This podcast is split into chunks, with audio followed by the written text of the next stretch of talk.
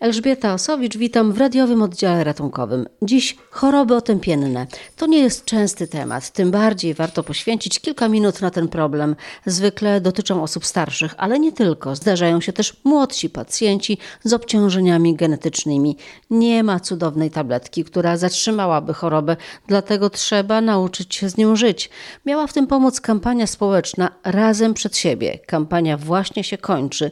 Jakie są jej efekty? O to zapytałam inicjatorkę tej akcji, profesor Joannę Rymaszewską z Uniwersytetu Medycznego we Wrocławiu. Mam nadzieję, że się udało dotrzeć do tych osób, które najbardziej tego potrzebują, żebyśmy odczarowali słowo otępienie, które może się źle kojarzyć, ale tak naprawdę każdą nazwę możemy oswajać i z otępieniem też można żyć i to chcieliśmy pokazać. Chcieliśmy pokazać, że można szukać pomocy, można szukać wsparcia, e, nie tylko związanego z lekami, lekarzami, ale również ze środowiskiem, w którym żyjemy, żeby pomóc opiekunom, bliskim, którzy z tym się zmagają również. To powiedzmy o tym, jak sobie z tym radzić, gdzie szukać tej pomocy rzeczywiście, bo to nie jest proste.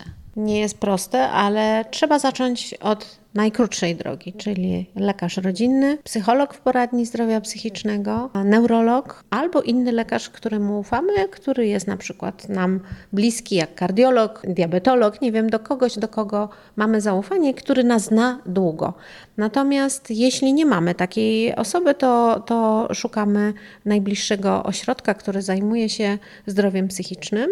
No, na szczęście we Wrocławiu sporo tych ośrodków jest. Poza szukaniem pomocy lekarskiej i psychologicznej, powinniśmy szukać też miejsc, gdzie możemy się spotykać z innymi ludźmi, bo tak naprawdę kampania społeczna, która miała odczarować i ściągnąć tabu ze słowa otępienie i życie z otępieniem, pokazać, że można prowadzić inne, to polega na tym, żeby pokazać, że to, co nas otacza, kim się otaczamy i z kim przebywamy na co dzień, ma olbrzymie znaczenie dla leczenia i dla utrzymania się w dobrej kondycji jak najdłużej. Na ile ci ludzie, którzy mają taki problem z otępieniem, mają rzeczywiście gdzie pójść i gdzie się spotykać? Jest na pewno ośrodek na ciepłej, no ale sam ośrodek na ciepłej nie załatwi wszystkiego. Ale jest kilka takich ośrodków. Ciepła już e, pączkowała i rozrosła się. E, mamy na Kazimierza Wielkiego ośrodek, mamy fundacje, które się też z tym zajmują. Mamy ośrodki mopsowskie pobytu dziennego, fundacje na przykład Opiekę i Troskę na Psim Polu. Jest naprawdę bardzo bardzo dużo miejsc, gdzie możemy się spotykać z innymi ludźmi, prowadzić życie towarzyskie, życie aktywne, które ma nas utrzymać w dobrej kondycji. I te ośrodki przeróżne, bo to są właśnie i organizowane przez NGOsy, czyli fundacje i miejskie ośrodki pomocy społecznej, ale również takie ośrodki pobytu dziennego, chociażby u nas na Pastera też jest oddział dzienny, który też ma y, swoją grupę osób y, z różnym stopniem zaawansowania procesu otępiennego. To są miejsca, miejsca, gdzie warto spędzać czas i warto od y, czasu do czasu zapisać się, żeby utrzymywać się w aktywności, takiej aktywności codziennej. Drugi temat to jest sprawa opiekunów. No właśnie, nasze hasłem naszej kampanii jest Razem przed siebie. Ja od razu pozwolę sobie e, podać Państwu adres, na którym jest strona internetowa specjalnie dedykowana pacjentom, którzy żyją z otępieniem i ich opiekunom. To są dwie odrębne zakładki, gdzie mnóstwo można informacji i odpowiedzi na nurtujące nas pytania znaleźć. Razem przed siebie. Umw, jak Uniwersytet Medyczny we Wrocławiu.edu.pl. Oferta chociażby na ciepłej jest dość szeroka dla opiekunów. Niestety mało osób się zgłasza. Dlaczego? Robiliśmy na ten temat badania. Opiekunowie są tak zaangażowani w swoje życie, życie swojej rodziny i opiekę nad tą osobą, nad którą chcą i, i sprawują opiekę na co dzień, że tak naprawdę nie mają już za bardzo przestrzeni czasowej, żeby poświęcić sobie czas, żeby znaleźć czas, żeby pójść na spotkanie, żeby się się dowiedzieć, jak sobie z wypaleniem radzić, jak sobie radzić z codziennymi kłopotami no, natury bardzo takiej przyziemnej, codziennej, gdzie, mm, gdzie można troszeczkę spotkać inne osoby i troszeczkę przewietrzyć głowę i mają na to czasu. Po prostu brakuje cierpliwości do osoby, która nie pamięta, zapomina, gubi się, a my jesteśmy obok niej i trochę nie rozumiemy, co się z nią dzieje. Nawet jeśli rozumiemy, to rozum sobie, a emocje sobie. I tak naprawdę to jest naturalne, to tak tak jak jest, nie wiem, z wychowywaniem dzieci, że my dzieci kochamy, ale czasami są tak irytujące, że trudno z nimi wytrzymać. I myślę, że te, o tych emocjach i o prawie do takich emocji, przeżywania dobrych i złych emocji, też e, opiekunowie, bliscy e, osób chorych na mm, otępienie powinni rozmawiać i powinni mieć takie grupy wsparcia, nawet niezbyt częste, ale żeby wiedzieli, że mogą się z kimś spotkać i po prostu dać upust tym swoim przeżyciom. Zwykle otępienie kojarzy się z osobami starszymi, w podeszłym wieku. Mamy tutaj taki przypadek młodej kobiety. I to jest e, jeszcze inny poziom, bo z jednej strony dla niej jest to szokujące, że ona nagle zaczyna się gubić, ale też dla jej bliskich. Tutaj mam na myśli przypadek pani Katarzyny. To jest wyjątkowa postać i mm, wyjątkowa rodzina. E, mama też choruje, pani Kasi, na chorobę Alzheimera.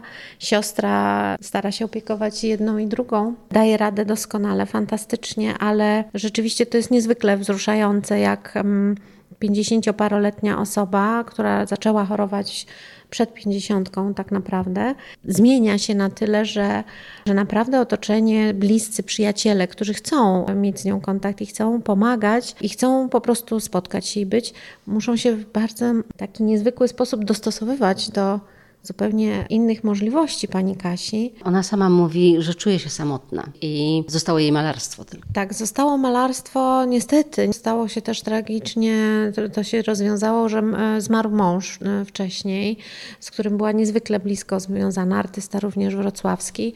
To jest niezwykle trudna sytuacja, być świadomą, a jednocześnie tak, tak wiele tracić w tak młodym wieku. No właśnie, jak to się dzieje, że do tego doszło, do rozwoju tej choroby doszło w tak młodym wieku? Mamy taką postać rodzinną y, choroby Alzheimera, która na szczęście spotyka się, spotykamy ją rzadko, to jest od 1 do, tam do kilku procent, to od różni, różne mm, badania wskazują, ale to jest znikomy odsetek y, mm, osób chorujących na Alzheimera, którzy mają genetycznie uwarunkowaną tą chorobę dziedziczoną. Ta postać rozwija się wcześniej, mówimy o otępieniu o wczesnym początku początku. Na szczęście to jest rzadkie, natomiast e, u tych osób, których otępienie jakby ujawnia się w sposób taki oczywisty dla samej e, osoby chorej, ale i dla otoczenia po 60-65 roku życia, to nie znaczy, że to otępienie się nagle zaczęło poza sytuacjami, kiedy jest udar, kiedy jest incydent naczyniowy, nagły, który po prostu dokonuje mm, spustoszeń e, w mózgu, to tak naprawdę te otępienia neurodegeneracyjne zaczynają się wcześniej, tylko one są nieme klinicznie, my tak mówimy, czyli nie ujawniają się jeszcze, nie widać tego wprost w sposób oczywisty w zakresie trudności w zapamiętywaniu, w odtwarzaniu, w skupieniu uwagi i takim funkcjonowaniu na co dzień. Natomiast ten proces się toczy, tak jak już wiemy, retrospektywnie od 25-30 roku życia. A jak możemy rozpoznać te sygnały? Nie ma tak precyzyjnych jeszcze metod y, neuroobrazowania, które by wskazywały wcześnie na te zmiany, bo one są bardzo dyskretne. One w sensie takim już y, diagnostycznym, one są, y, pokazują się znacznie później, a objawy kliniczne to też są podobne do naturalnego, powiedzmy, przebiegu zmian, które zachodzą w życiu. Każda dekada życia jakby wiąże się z pewnymi no, zmianami i nie chcę tu mówić deficytami, deficytami, ale no, pewnymi ograniczeniami. Tak? Już nie jesteśmy tak sprawni w wieku 50-60 lat intelektualnie, jak, jak w wieku, w wieku 20 lat. Wiadomo, że mózg się zaczyna starzeć w wieku 20-25 lat, ale te zmiany są dyskretne, nie jesteśmy w stanie ich uchwycić. Także cała nasze, nasza siła w nas i nasze możliwości leżą w dbaniu o siebie od początku do końca, czyli od dziś. Po czym poznajemy, że to już jest otępienie? Zmiany dotyczą głównie głównie funkcji poznawczych, czyli na przykład pamięci e, świeżej, e, tak zwanej bezpośredniej. Najczęściej zapominamy o rzeczach aktualnych, czyli na przykład jutro jakbyśmy się spotkały, ja bym nie do bardzo pamiętała, żeśmy dzisiaj spotkały się i omawiały pewne rzeczy, to, to by było już niepokojące. Natomiast to, że nie pamiętam jak ma na imię aktorka, którą widziałam w serialu, no to, to tym się proszę nie przejmować. To jest, nie, nie, są to istotne mm, jakieś e, informacje, informacje, które nasz mózg powinien zapamiętywać. Natomiast e, ta trudność w odtwarzaniu bezpośrednich wydarzeń bądź e, kojarzeniu no, w sklepie, gubimy się i zastanawiamy się, Holender, po co ja tu przyszłam?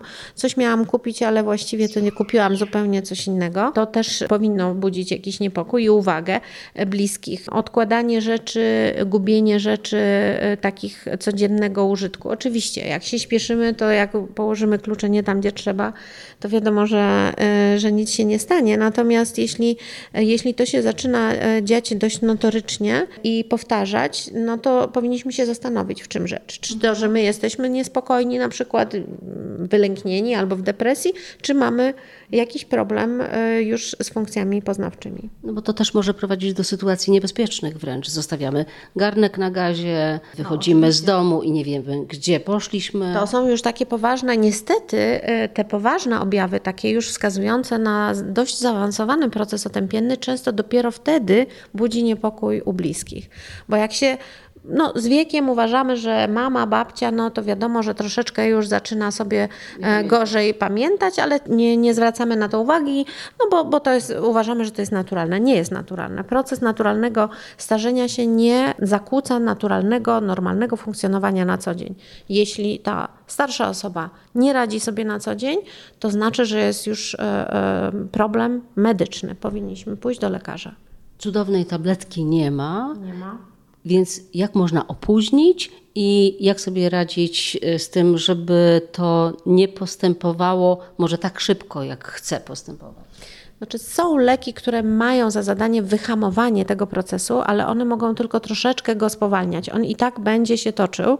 Natomiast rzeczywiście możemy wiele zrobić poza farmakologicznie, czyli poza lekami, codzienne treningi, nawet z kalendarzem, z przypominaniem sobie pewnych, spisywaniem e, pewnych zadań, e, prowadzeniem dzienniczka, uczeniem się nowych rzeczy. I do tego służą te właśnie e, miejsca dziennego pobytu, spędzania czasu, kluby seniorów i tak dalej, gdzie my możemy się uczyć nowych rzeczy, bo powtarzanie przez całe życie jednej ulubionej czynności wcale nie rozwija mózgu, a my musimy rozwinąć te obszary mózgu, które do tej pory nie zostały uruchomione, a które są jeszcze zdrowe. To jeszcze na koniec powtórzę adres portalu, gdzie można znaleźć historię chorych i ich opiekunów i miejsca, gdzie można szukać pomocy razem przed siebie umw.edu.pl.